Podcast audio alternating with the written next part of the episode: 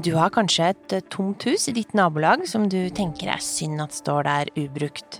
Det kan være et eh, gammelt grendehus, et velhus, en bystue, et samfunnslokale, eller et bedehus, eller eksempel et Folkets hus.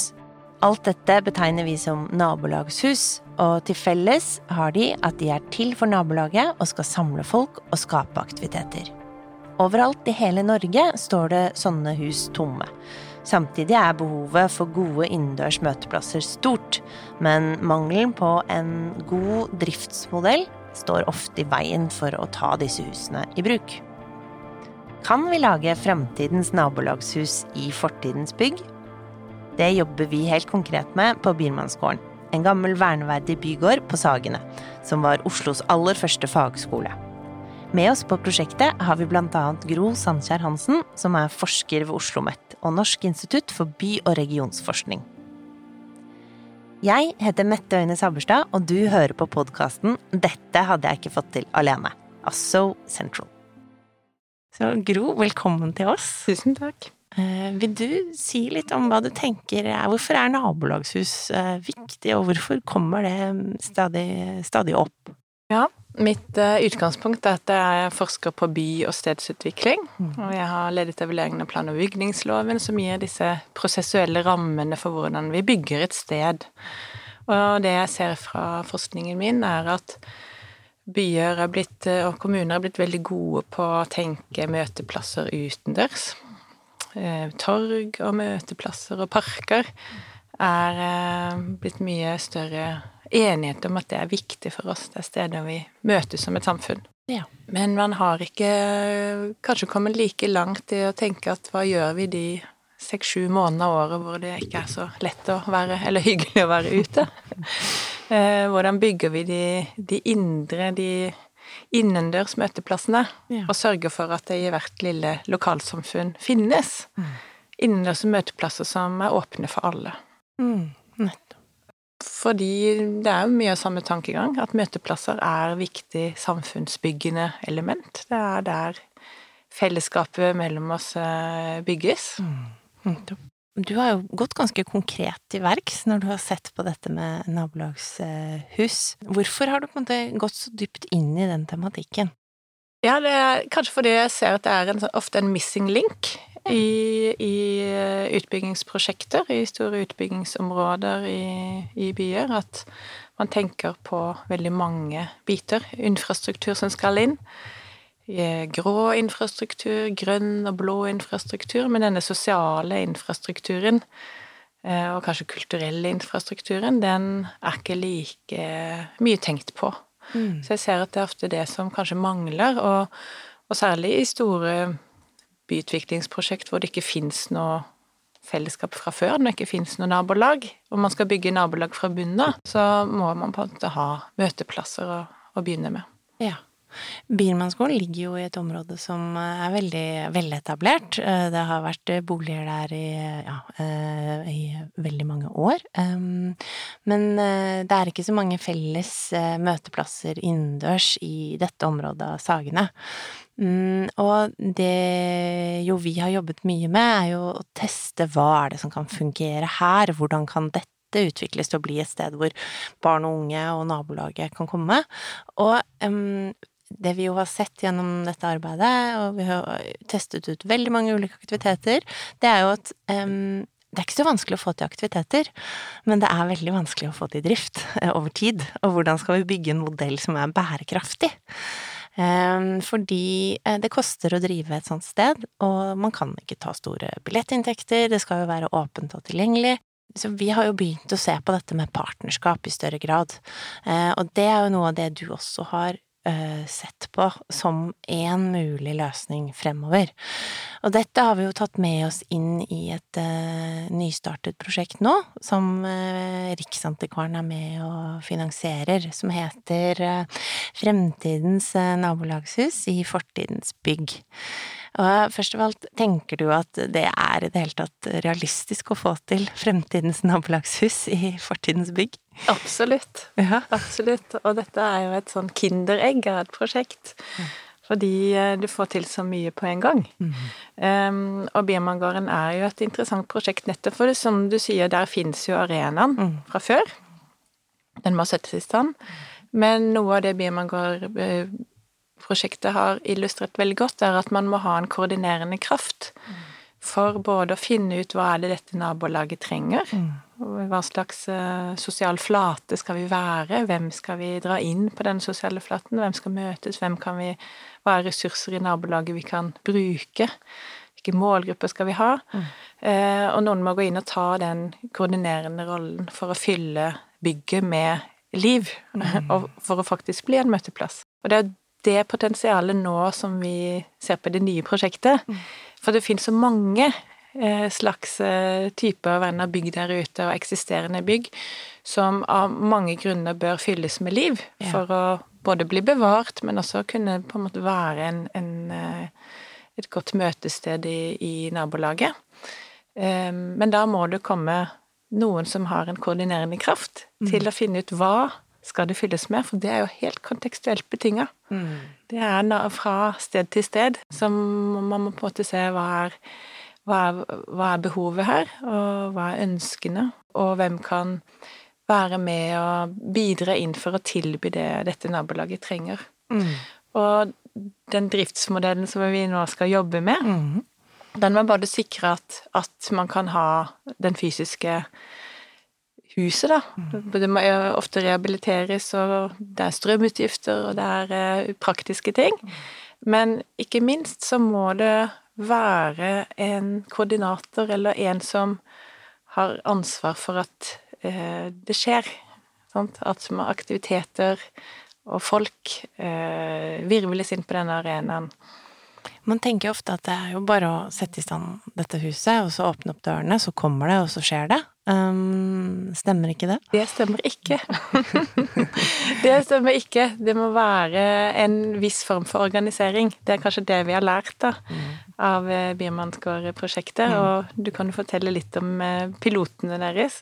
Ja, nei, det, er klart, dette er jo en erfaring vi har tatt med oss, at uh, når, er, når, man ikke er vant til at det skjer noe i et hus, så er det faktisk sånn at noen må uh, ringe på noen dører og ta noen telefoner og si at vi tror dere har et tilbud som kunne passe kjempegodt inn her, har dere lyst til å komme og bruke huset?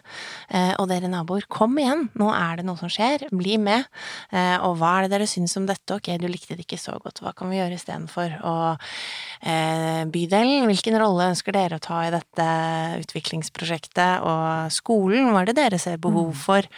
Um, og den jobben med å snakke med alle aktørene som enten har en interesse av å bruke stedet, eller har interesse av å fylle dem med aktivitet, det merker vi jo at uh, det må noen gjøre, rett og mm. slett. Mm. Og den prosessen der skaper jo også eierskap hos den dere snakker med, og det er jo det viktige at det er jo, det er jo de rundt og de som skal bruke det, som også skal få eierskap til stedet. Og det er jo ideen vår med denne partnerskapsmodellen, mm. som vi tenker kan vi kan vi gjennom disse studiene få frem og tydeliggjøre hvilke partnerskapsmodeller som er bærekraftige. Mm.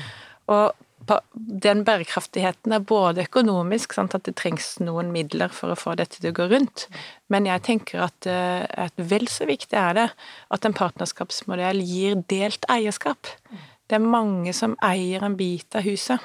Men du har jo sett på flere typer hus eh, med partnerskapsmodeller og uten. Kan ikke du gi et eksempel på hva en sånn partnerskapsmodell kan være? Nettopp en partnerskapsmodell som gir et delt eierskap. Jeg har sett i, i to sånne nye samfunnshus som, eh, eller nabolagshus som er etablert nå. Det ene er Petersburghuset på Ensjø. Eh, og det andre er Kongla i Lørenskog, i Skårebyen. Og disse er da satt i stand, eller muliggjort, av utbyggingsaktøren som har utvikla stedet. Men det spesielle er at eh, hver leilighet i borettslagene rundt betaler én krone per dag per leilighet til en sånn grunnfinansiering av drift, mm. eh, som ikke nødvendigvis eh, er tilstrekkelig, men som gir en sånn grunnfinansiering som gjør at det er lettere å få inn andre inntekter også. Og det gjør òg at man kanskje får litt redusert leie hvis man vil leie et lokale til barnebursdager, og, og føler man eier en bit mm. av nabolagshuset sitt. Det andre er jo at du får inn eh, lokale organisasjoner, idrettslag og nabolagsforeninger til å være en del av partnerskapet og være med i, i prosjektgrupper som eh, velger ut aktivitetsmenyen der. Ja, nettopp. Er det en typisk er det, Vil du si at det du beskriver der nå, er et typisk nabolagshus? De finnes jo i så mange forskjellige varianter, og det, det, skal de være. De mm. skal være forskjellige, for de skal være nabolagene sine hus, og nabolagene skal sette sine avtrykk på dem. Mm. For det, vi kan jo ikke ha en generisk modell som funker overalt, mm. men, men, det vi tenker er at hva er bestanddelene de må ha? Mm. Hva er eh, aktørbildet, eller hva er, hva er de grunnbestanddelene som må til for at den skal være drivkraftig og bærekraftig. Mm. Eh, men hvordan det ser ut, eller drives, eller hvilke aktiviteter, det vil være avtrykk fra nabolaget rundt som bestemmer. Mm.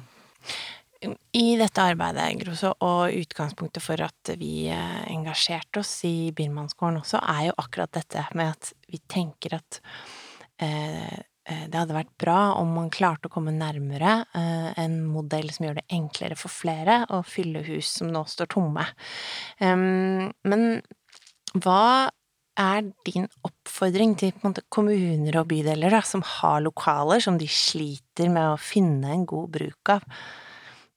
Ja, min oppfordring er at kommunene må ha en liten, eie en liten bit av det, eller være med på det med en liten bit. Ikke nødvendigvis totaltansvaret, for det kan være for tungt finansielt, f.eks. Og det er derfor partnerskapsmodeller er en løsning, hvor du deler opp ansvar og finansieringsansvar særlig i biter. Eh, og så gir du på en måte ansvaret til forskjellige aktører.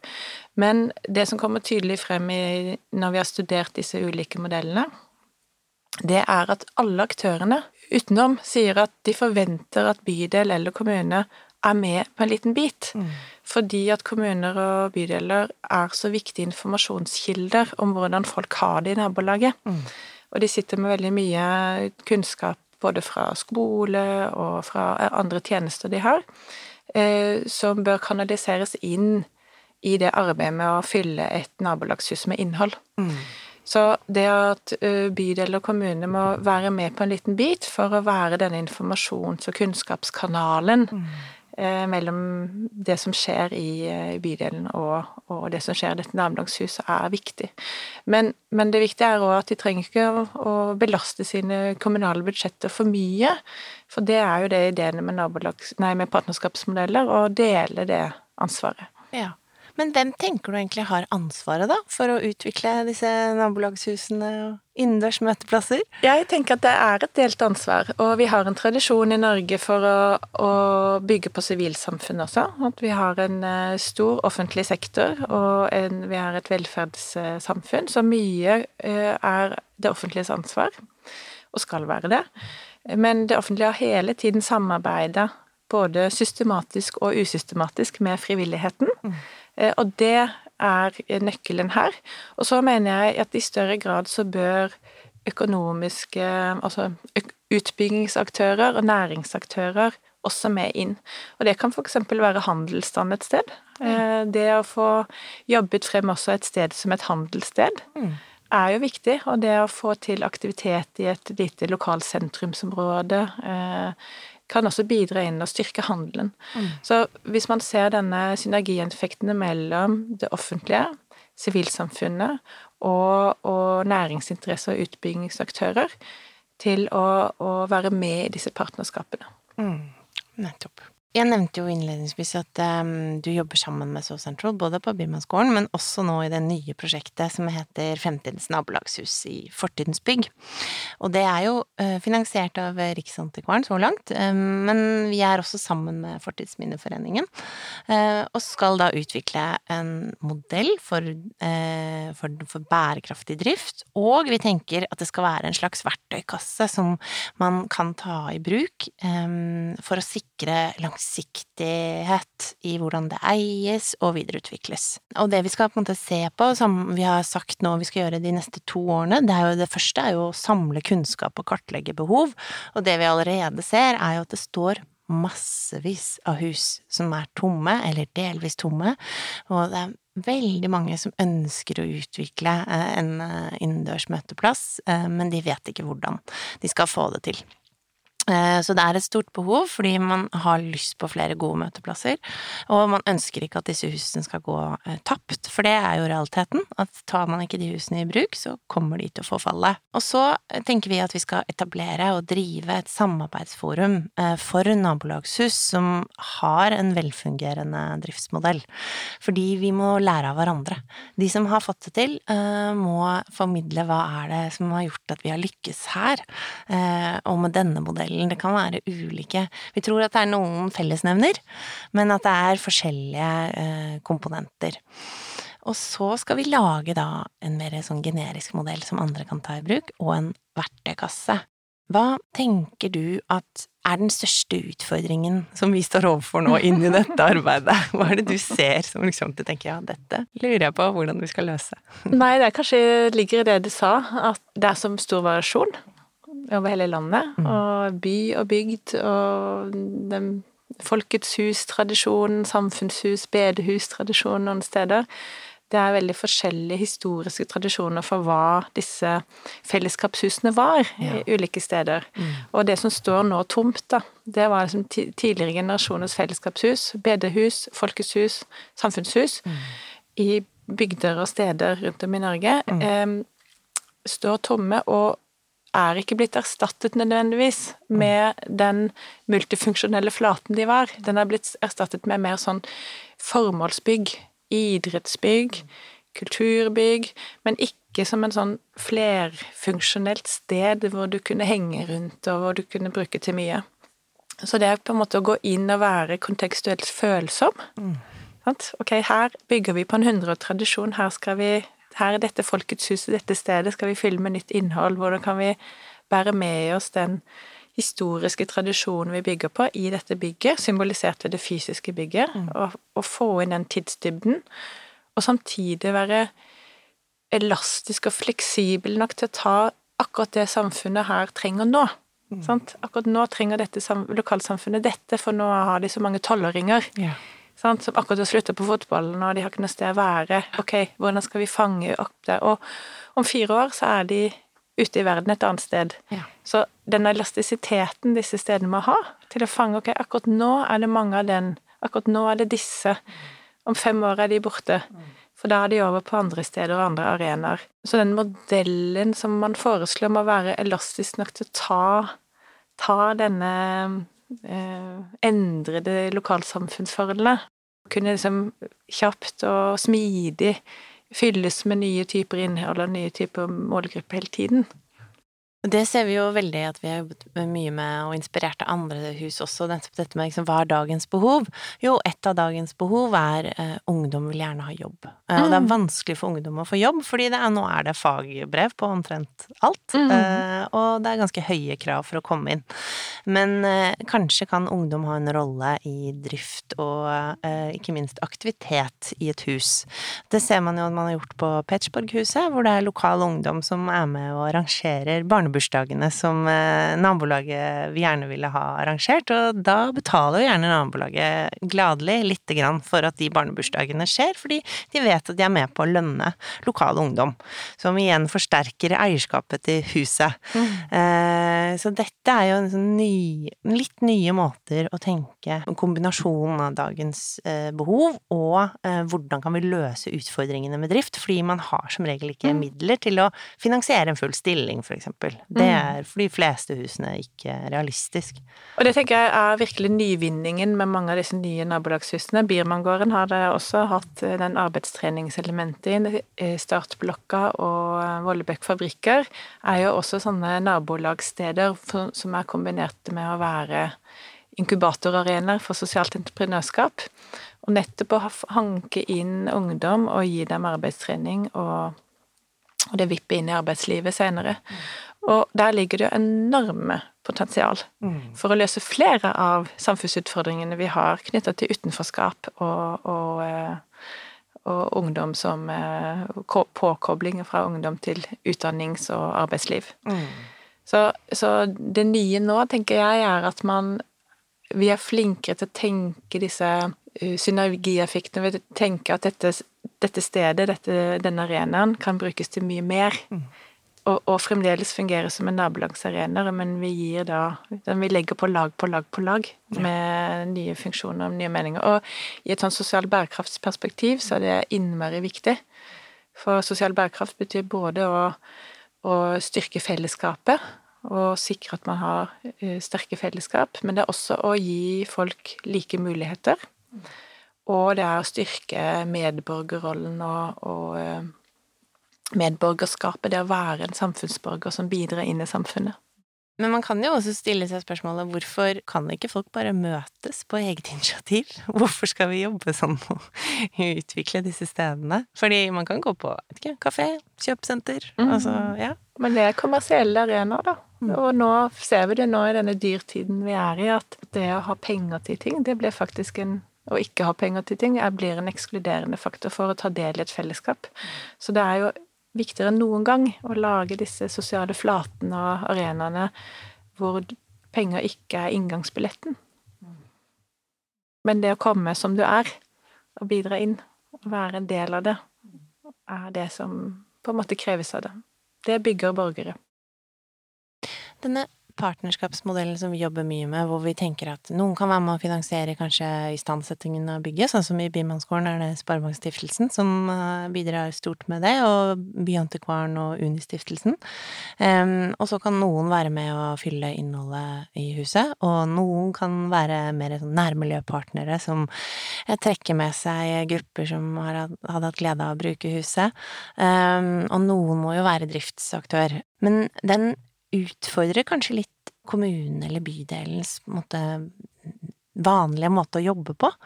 Hva tenker du er en måte å møte det på for bydel og kommune? Ja, den største utfordringen er kanskje det at uh, vi tenker at eierskapet må ikke være offentlig. Det må ikke være kommune eller bydel som eier selve bygget. Mm. For det med et eierskap så følger det ofte store økonomiske belastninger knyttet til rehabilitering og drift. Så det å åpne opp for at kommunen kan ta en rolle, selv om eierskapet ligger f.eks. hos en privat aktør, det er kanskje noe av det som utfordrer mest den vante tankegangen. Men det tenker jeg er nødvendig for, for, å få opp mye flere av disse stedene. For ofte så er det jo budsjettargumentene som gjør at man ikke følger opp eller svarer ut initiativ om disse nabolagsarenaene. Ja, for det er jo ikke lovpålagt på noen måte, og kommuner Nei. og bydeler har jo stadig større press på, um, på, budsjettene sine og mindre ressurser. Ja, så det jeg kunne ønsket meg fra store f.eks. presskommuner som Oslo og, og andre byer som som har mye utbygginger, det er å i mye større grad kartlegge behovene for dette, og legge det inn som krav i utbyggingsprosjekt. Mm. Eh, at her ser vi, her mangler det denne type arenaer. Mm. Her er det en del av den sosiale infrastrukturen og kulturelle infrastrukturen som må til i dette utbyggingsprosjektet, på lik linje med grønn infrastruktur og grå infrastruktur. Så at, å tenke om dette som en helt naturlig del av det å bygge en by, og det å bygge et sted. Mm.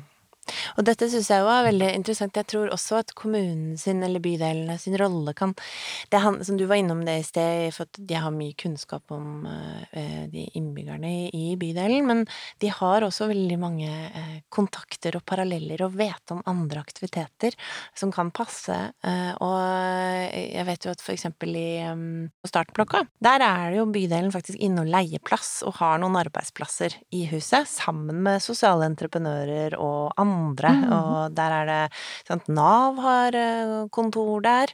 Eh, hva tenker du skjer da, når man får den type liksom, kryss? Ja, det er kjempespennende, for, og grunnen til at de leide seg inn der, var at de så at dette, her møter vi jo brukerne våre. Altså, vi har problemer med å nå dem på annet vis, men hvis vi setter oss der, så er det jo der de er. For dette, der er det aktiviteter som de går på. Uh, og da får du en helt annen kontaktpunkt mellom disse tjenesteutøverne og brukerne deres, og kanskje du får en litt annen måte å tenke om dem på. Kanskje man får en litt mer egalitær måte å tenke på mennesker på. Ikke bare som brukere, men som eh, mennesker i et lokalsamfunn som både yter og får på disse sosiale stedene. Og det, det, trenger vi nok. Eh, og det trenger nok også det offentlige tjenesteapparatet å utfordres på. Hvordan er det man ser på innbyggerne sine?